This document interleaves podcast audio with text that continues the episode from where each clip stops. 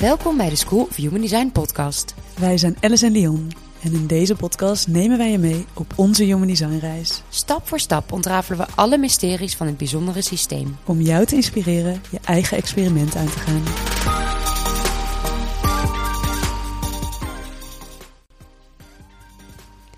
Ja, daar zitten we weer op afstand. Uh, Leon uh, nog steeds op Ibiza en uh, ik in Amsterdam. Ja, ready om een nieuwe podcastaflevering op te nemen. Ja, we beginnen eraan te wennen om zo op afstand te communiceren. Mm. Um, en onze vorige podcast over licht en donker. En nou ja, vooral ook het stukje donker, wat soms bij deconditioneren komt kijken. Dat opende echt een gesprek over, nou ja, allereerst hoe je nou omgaat met dat donker. En ook vooral de vraag van, moet het altijd weer naar het licht? En moet je het er niet gewoon laten zijn? Nou ja, het korte antwoord daarop is uh, absoluut alles er laten zijn. Uh, maar wat soms een uitzondering daarop is, is je not-self thema. Want dat wil je namelijk echt iets vertellen. En ook dat mag er natuurlijk zijn, dat mogen we verwelkomen. Maar tegelijkertijd is het ook interessant om daarmee te werken. Want wat wil het je nou precies vertellen? Ja, je not-self thema, die is er om je aan te geven dat je de, nou ja, laten we zeggen, verkeerde kant op gaat. Dat je in ieder geval je design niet leeft. En als jij je not-self uh, emotie ervaart, ja, dan geef je dat echt een mooie kans om te leren, om, mij, om wijs te worden over wat we niet zijn. En zo bedacht ik me van de week, ik ervaar de laatste tijd best wel veel teleurstelling. En ik heb het gevoel dat ik daar ja, echt iets mee moet. Ik wil weten waar het vandaan komt. Ik ben aan het graven in mijn verleden. Ik wil het loslaten. Mm-hmm. Maar als manifesting generator is mijn not-self emotie frustratie. En als ik dat voel, dan betekent het dat ik mijn ja, design mag onderzoeken um, om echt te kijken wat er aan de hand is. Dus die emotie is iets wat je niet zomaar wil loslaten, omdat daar echt een andere boodschap in zit. Ja, mooi inderdaad. En ook dat, dat loslaten kan soms inderdaad ook nou ja, of iets geforceerd worden. Maar als we de hele tijd maar die emoties proberen los te laten, dan kom je inderdaad nooit nou ja, bij, de, bij de kern eigenlijk van wat het je komt vertellen. En we roepen natuurlijk al vanaf onze eerste podcast en ook in cursussen van alle emoties die mogen er zijn. Dat zijn boodschappers, die uh, komen je iets mhm. vertellen. Uh, maar deze week las ik nog een uh, artikel over um, wat mij weer even een nieuw perspectief daarop gaf. En ergens wist ik het al die tijd wel, maar um, nou ja, die emoties die labelen we of die beoordelen we als, als mens, hè, vanuit ons mens gezien snel in goed of slecht of positief of negatief. En nou ja, vooral de, de negatieve emoties zoals boosheid of verdriet of teleurstelling, frustratie, dat zijn allemaal dingen die we liever niet voelen. Maar wat als je het echt bekijkt vanuit je hogere zelf, vanuit je ziel, die eigenlijk gewoon pijn heeft op dat moment, omdat je gewoon niet je potentieel leeft. Dus als je je schikt bijvoorbeeld naar iets wat minder is dan wat er voor jou zou kunnen zijn, als je jezelf klein houdt. Dus dat dat deel in jou op dat moment gewoon echt pijn heeft en dat het een signaal is daar vandaan.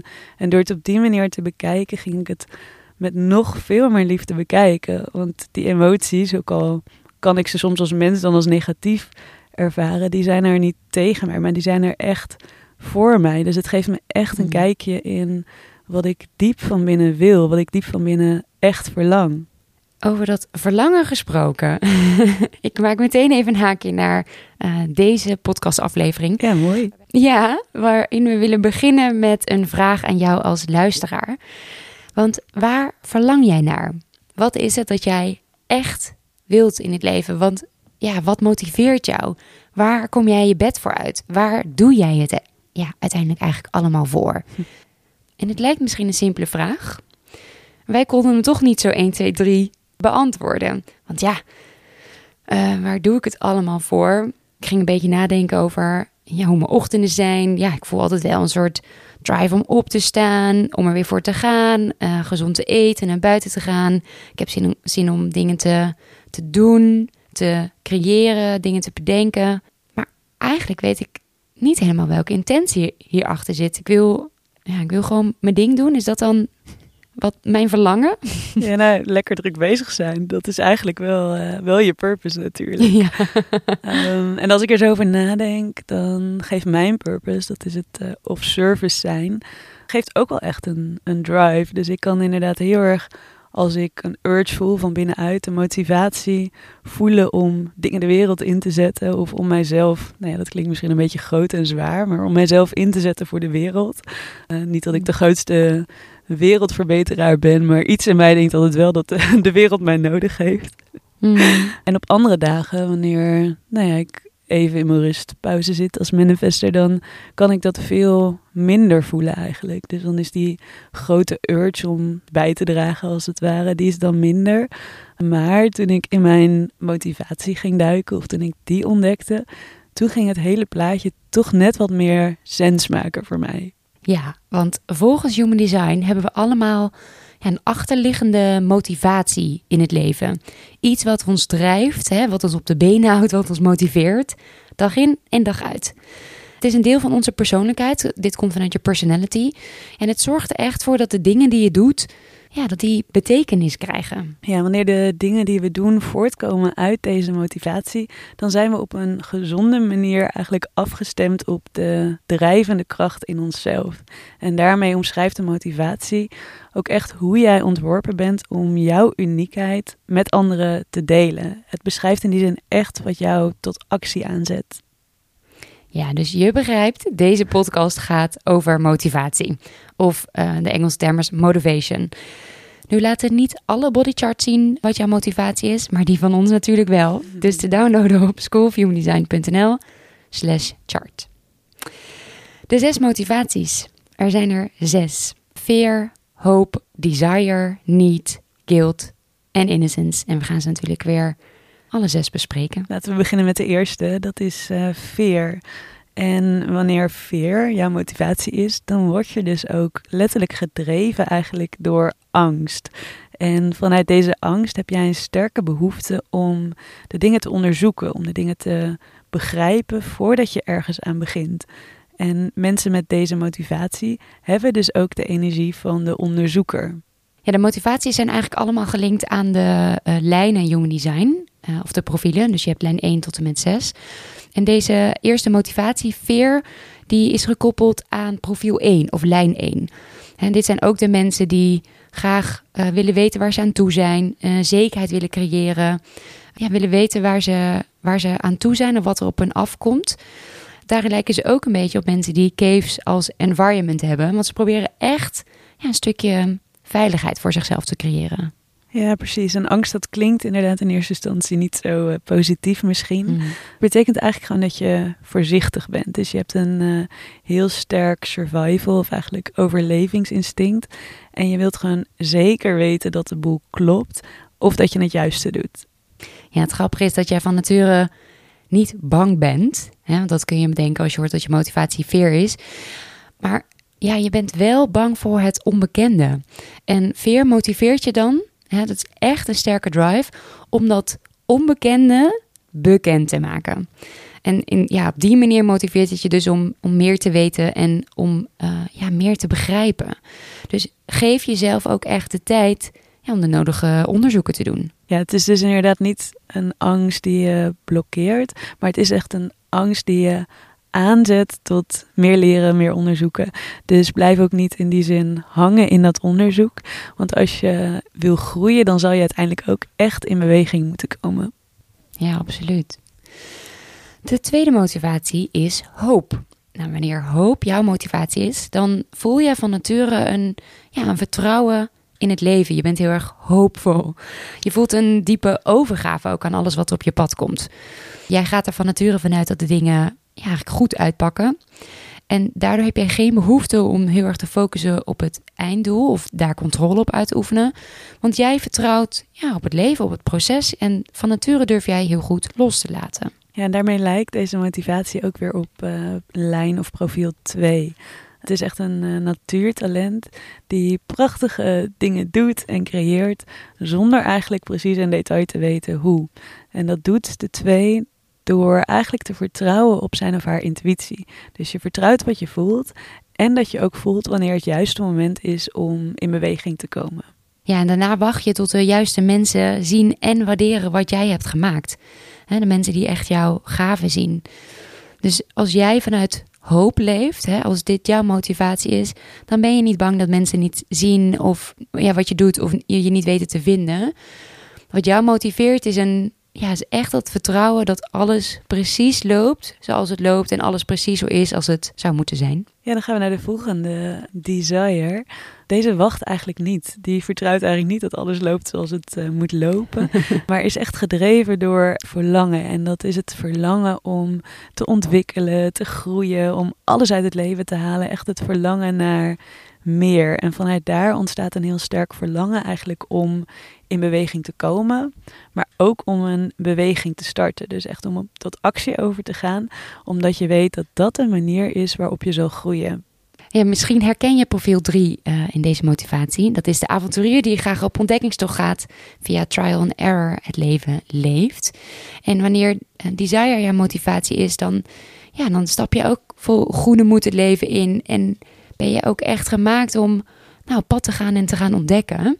Uh, en daarmee heb jij de energie van ja, de echte de doener.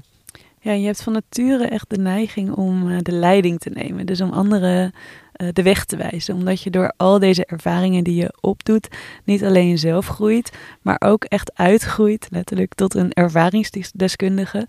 Waarmee je ook anderen nou ja, aanzet tot groei. En uh, je hebt een hele sterke motivatie als het ware om te delen en om anderen te laten zien welke lessen jij zelf hebt geleerd.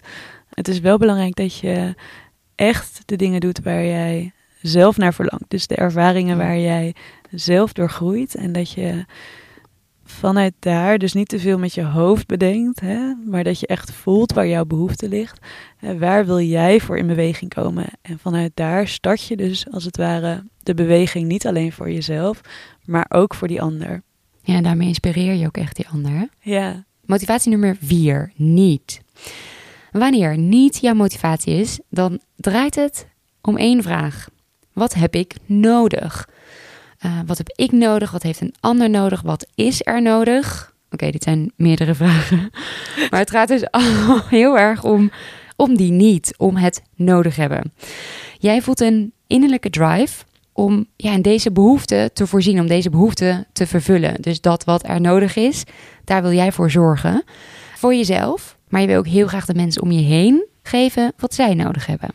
Ja, dat is een hele belangrijke, omdat uh, deze motivatie inderdaad vergelijkbaar is met de vierde lijn, hè, heel verrassend, in human design. En dat mm. is de netwerker, de verbinder. Oftewel, je hebt heel erg de drive om een basis te creëren, om een netwerk aan te leggen. Omdat je niets liever wilt dan dat je je verbonden voelt met de mensen om je heen. En deze niet, die behoefte gaat dus echt over het verlangen om te verbinden. Jij voelt in de basis heel goed aan wat jij nodig hebt, maar je voelt ook heel goed aan wat een ander nodig heeft. En wat echt jouw gave is, is dat jij complexe dingen, complexe situaties begrijpelijk kan maken, behapbaar. Dus waar een ander hè, blijft tollen in, in bepaalde gedachten of in, in moeilijke situaties, ben jij echt in staat om die complexiteit weg te nemen. En daarmee help je de ander om het op te lossen. Dit doe je heel instinctief om te zorgen dat niet alleen jij, maar ook de ander zich goed voelt. Je wil heel graag dat je met elkaar verbindt, maar ook dat de ander weer de verbinding met zichzelf vindt. Hiermee help je de ander echt op weg. Ja, met deze motivatie bekijk je de dingen als het ware een beetje van een ander, breder perspectief. Je richt je eigenlijk niet op de details, maar dus vooral op hetgene wat er echt nodig is om op een authentieke manier met anderen te verbinden. Kwaliteit gaat altijd boven kwantiteit. En juist omdat je dus zo goed weet wat anderen nodig hebben, kom je vervolgens met een heel gericht advies. Of je deelt bijvoorbeeld iets wat je ergens hebt gelezen en wat precies relevant is of van belang is voor die ander. Ja, dit is jouw motivatie, Leon. Oh, nee. nee. ja, dat wist ik. Ja, waar ik gelijk aan moest denken. Leon en ik hebben samen gestudeerd. Mm Jaren geleden alweer. En wat heel opvallend was aan jou, is dat jij bij het studeren het altijd maar stom vond dat jij alles moest leren. Dat deed je dus ook niet. Oh, Want jij haalde gewoon heel makkelijk de belangrijkste punten eruit. En daar ging het volgens jou om, niet de details. Maar je dacht, hè, maar ik snap toch de boodschap. Ik snap toch dat het daar en daar daarom gaat. En dan ben ik er toch. Dus ik vind het heel grappig om dan nu te weten dat dit jouw motivatie is. Want ja, dat zag ik dus toen ook eigenlijk al aan jou. Ja, ik weet dat we hier wel eens een gesprek over hebben gehad. En dat jij dat inderdaad, of niet begreep. Maar voor mij is het inderdaad altijd heel logisch of zo. En ik denk dat het ook wel een stukje wordt versterkt door het uh, manifester zijn. Dus gewoon recht op het doel af. Uh, ik heb in die zin ook nooit huiswerk gemaakt. Ik vond opdrachten altijd heel stom. Omdat ik dacht, ja, maar het gaat er toch om dat ik uiteindelijk nou ja, als ik het verband zie of als ik snap waar het naartoe gaat, dan hoef ik al die tussenstappen toch niet meer te doen. Mhm. En ik merk het ook wel heel sterk in mijn werk. Dus sowieso heb ik er wel een handje van om altijd het minimale te doen. Ehm, maar ik wist altijd wel precies wat er nou ja, nodig was of wat de mensen boven mij en onder mij ook, maar vooral ook boven mij nodig hadden. En daardoor heb ik eigenlijk voor mijn gevoel nooit hard hoeven werken, maar maakte ik altijd wel de ene na de andere promotie, omdat ik eigenlijk altijd nou ja, precies deed wat er nodig was. Ja, dat klinkt eigenlijk als een hele efficiënte manier van werken ook. Ja, was het denk ik ook. Dat ik werkte ook bijna nooit. Maar ik kreeg altijd wel heel veel waardering voor. Omdat ik dus precies op de juiste momenten. Ja, precies de juiste. Met de juiste dingen. En ik voelde, dat is echt wel instinctief. Want inderdaad, ook deadlines en zo. Ik, ik voelde ook altijd precies van. Ja, ik maakte in die zin wel echt mijn eigen regels.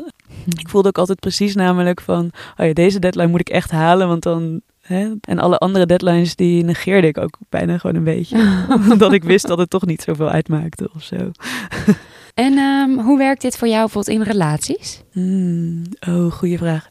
Um, ja, relaties, daar kan ik echt dagen en uren over praten. Um, sowieso, wat ik wel grappig vond toen we het hier over hadden.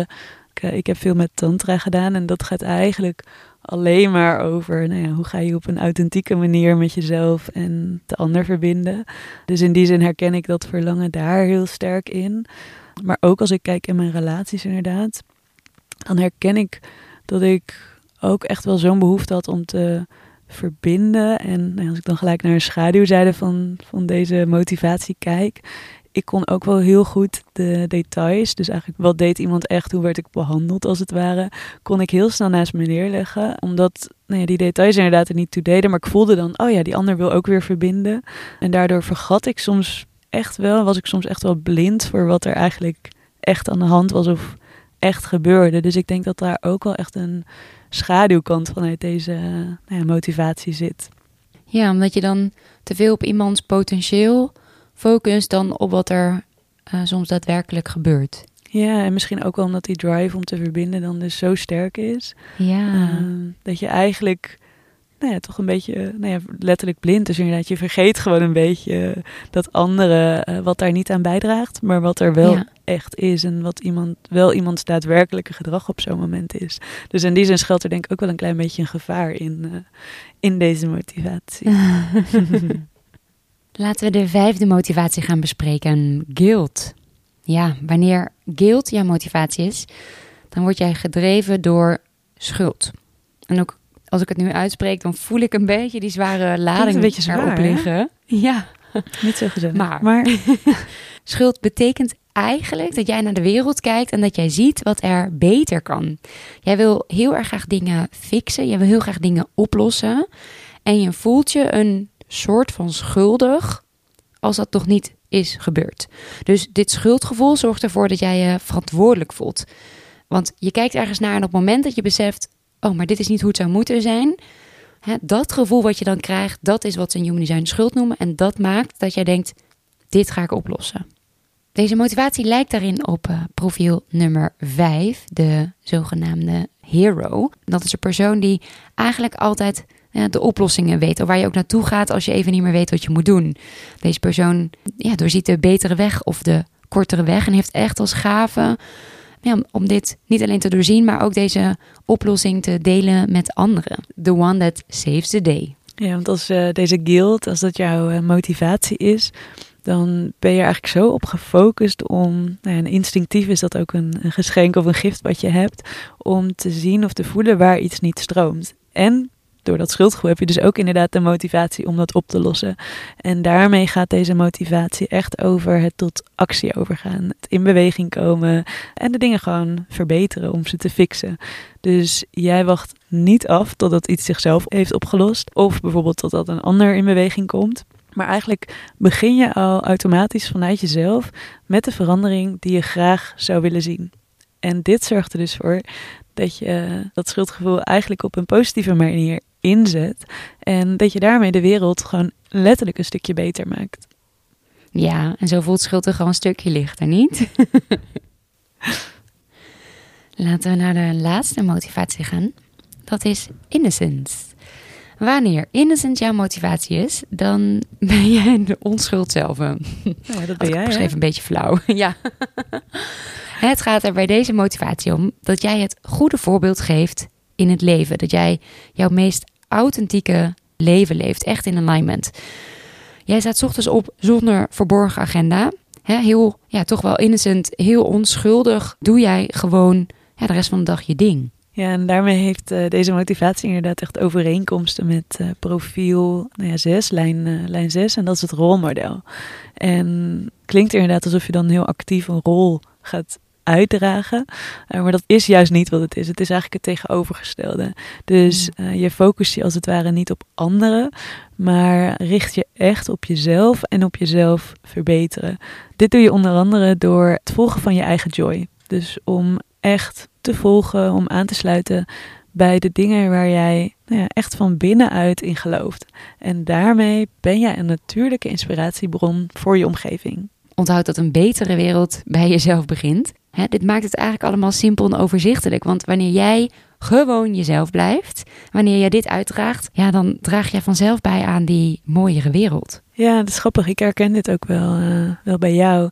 Uh, sowieso begonnen we natuurlijk onze podcast ermee dat jij gewoon heel erg die drive hebt om op te staan en lekker gewoon je ding te doen.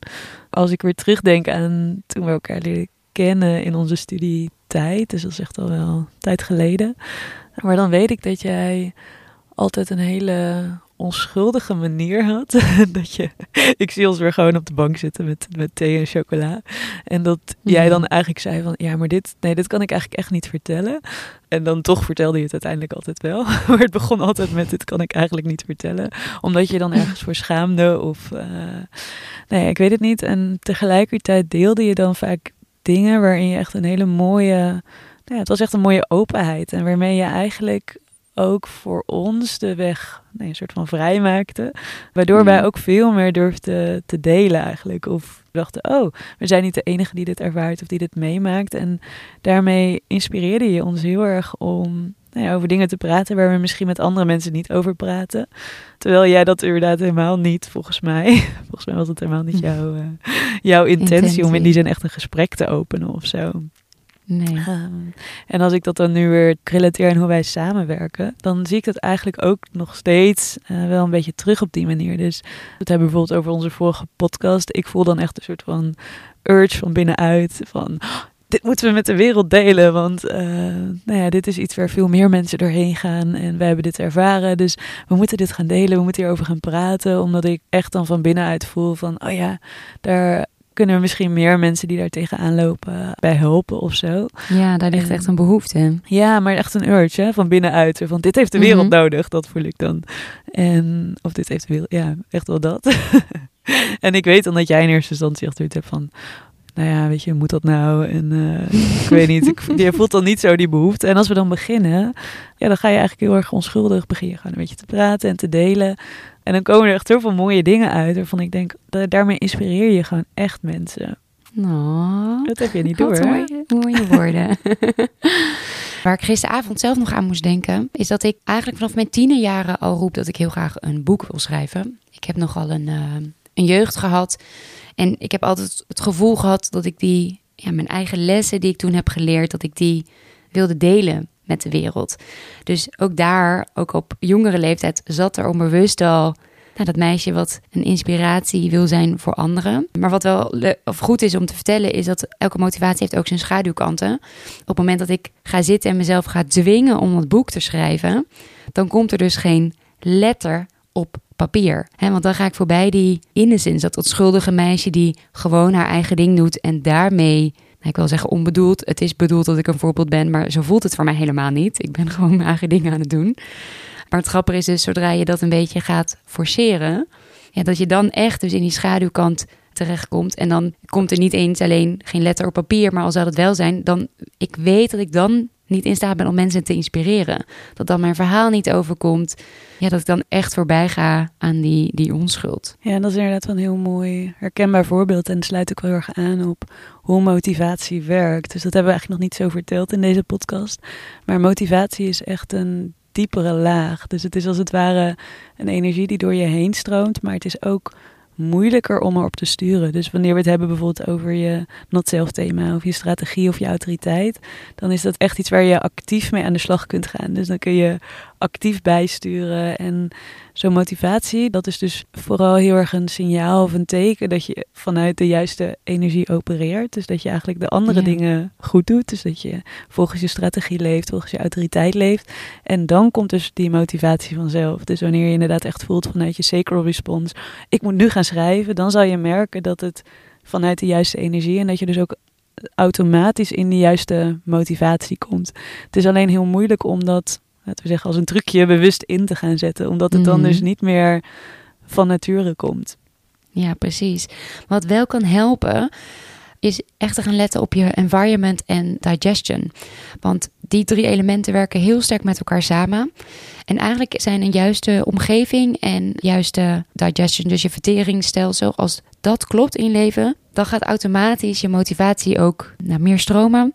Ja, uh, dan komt je motivatie beter uh, tot uiting. Dus ja, het is all connected. Maar wil jij experimenteren met jouw motivatie? Begin dan met het zorgen dat je in de juiste omgeving bent en op de juiste manier het leven verteert. Ja, en wanneer je je motivatie heel sterk herkent in je leven, dan zul je zien dat je waarschijnlijk ook op die andere vlakken, nou ja, het goed doet niet, want we denken niet in goed en slecht, maar dan, dan lig je wel op, op koers als het ware.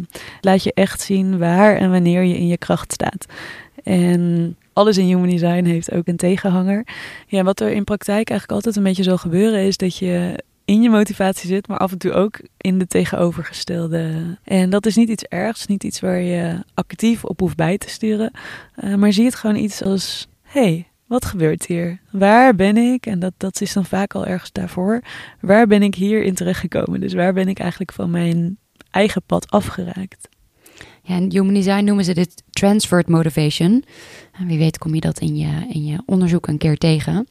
En zo kan het bijvoorbeeld zijn, een voorbeeld is misschien wel lekker, um, dat als hoop je motivatie is, dat je dan niet zo vol vertrouwen bent in het leven, niet zo hoopvol, maar dat je juist probeert de controle heel erg te behouden. Dat je je heel erg focust op, uh, op details die eigenlijk helemaal niet zo van belang zijn. Um, of bijvoorbeeld bij mijn motivatie dus dat ik veel te veel mijn best ga doen om een voorbeeld te zijn en veranderingen probeer te forceren, terwijl ik gewoon dicht bij mezelf mag blijven. Ja, en dit laat inderdaad, dus waarschijnlijk heb je dan daarvoor dus ergens al niet naar je autoriteit geluisterd. Dus dan wat, je, wat gebeurt vaak bij forceren is dat we dan met ons hoofd iets hebben bedacht. Uh, maar wanneer je afgestemd blijft dus op je onderbuikgevoel, op je sacral, dan zal je zien dat je waarschijnlijk al niet in die situatie terecht was gekomen. Ja. En een herkenbare daarin voor mij, dus met mijn drive om te verbinden, is heel erg het pleasen. Dus heel graag in al die behoeftes willen voorzien. En het is eigenlijk ook wel grappig om te noemen, want ik dacht dus altijd dat ik nooit walging kende. We hebben een uh, cursus over emoties en toen zeiden we nog heel, veel stoer, maar nee, walging dat heb ik echt niet als emotie. En wel heel grappig, want het afgelopen jaar walgde ik echt van deze eigenschap in mezelf. Ik was er hmm. zo klaar mee om het allemaal maar goed te willen doen voor alles en iedereen. En daar zat, als we dan ook over dat zelf hebben, zat ook gelijk heel veel boosheid omheen. Omdat dat precies de, de momenten waren dat ik mijn eigen kracht inleverde. Dus dat ik geen impact maakte en mijzelf niet liet zien in, als manifester, maar eigenlijk mezelf wegcijferde om het maar goed te doen voor alles en iedereen. En alles en iedereen om me heen maar tevreden te houden. Ja, en hiermee laten we dus zien dat jij soms het tegenovergestelde gedrag toont van je eigenlijke motivatie, van je eigenlijke drive. En hoe belangrijk ook hier weer je not-self thema is. In het begin van de podcast hebben we het daar even over gehad. Maar ook hier komt hij natuurlijk weer kijken. Het is ja, de emotie die jou laat zien ja, of het wel of niet stroomt. De graadmeter uh, of het wel, tussen aanhalingstekens, goed gaat in jouw leven. En je motivatie kun je dan niet bewust bijsturen, maar er is wel heel veel ander werk wat je kan doen. Dus weer opnieuw luisteren naar je strategie, keuzes maken op basis van je autoriteit en zorg daarnaast dat je omgeving en je, je digestion allemaal in één lijn liggen. Ja, en je zult vanzelf, vertrouw daarop, uh, je zult vanzelf echt weer in de juiste motivatie terechtkomen. En daarmee echt ja, het meest unieke van jezelf in de wereld kunnen zetten. Ja, heel mooi gezegd. En daarmee willen we ook gelijk uh, deze aflevering uh, afsluiten. Dus ga de komende tijd gewoon eens voor jezelf voelen. Hè? Herken jij je motivatie of misschien nog niet? En zie het echt als een open uitnodiging om te gaan voelen en te kijken of je dit moment al vanuit de juiste motivatie beweegt. Of dat er inderdaad op al die andere vlakken misschien, uh, of nou ja, werk aan de winkel. Uh, maar of je daar iets aan, uh, aan kunt veranderen om nog meer uitgelijnd te worden op, op jouw unieke motivatie. Ben jij blij met onze podcast? Dan zouden we het echt te gek vinden als jij een review wil achterlaten. Of misschien wil jij wel een kleine donatie doen. In de show notes staan alle links die je nodig hebt. Nou, en we willen vooral zeggen dankjewel voor het luisteren. En heel graag tot de volgende keer. Tot de volgende keer.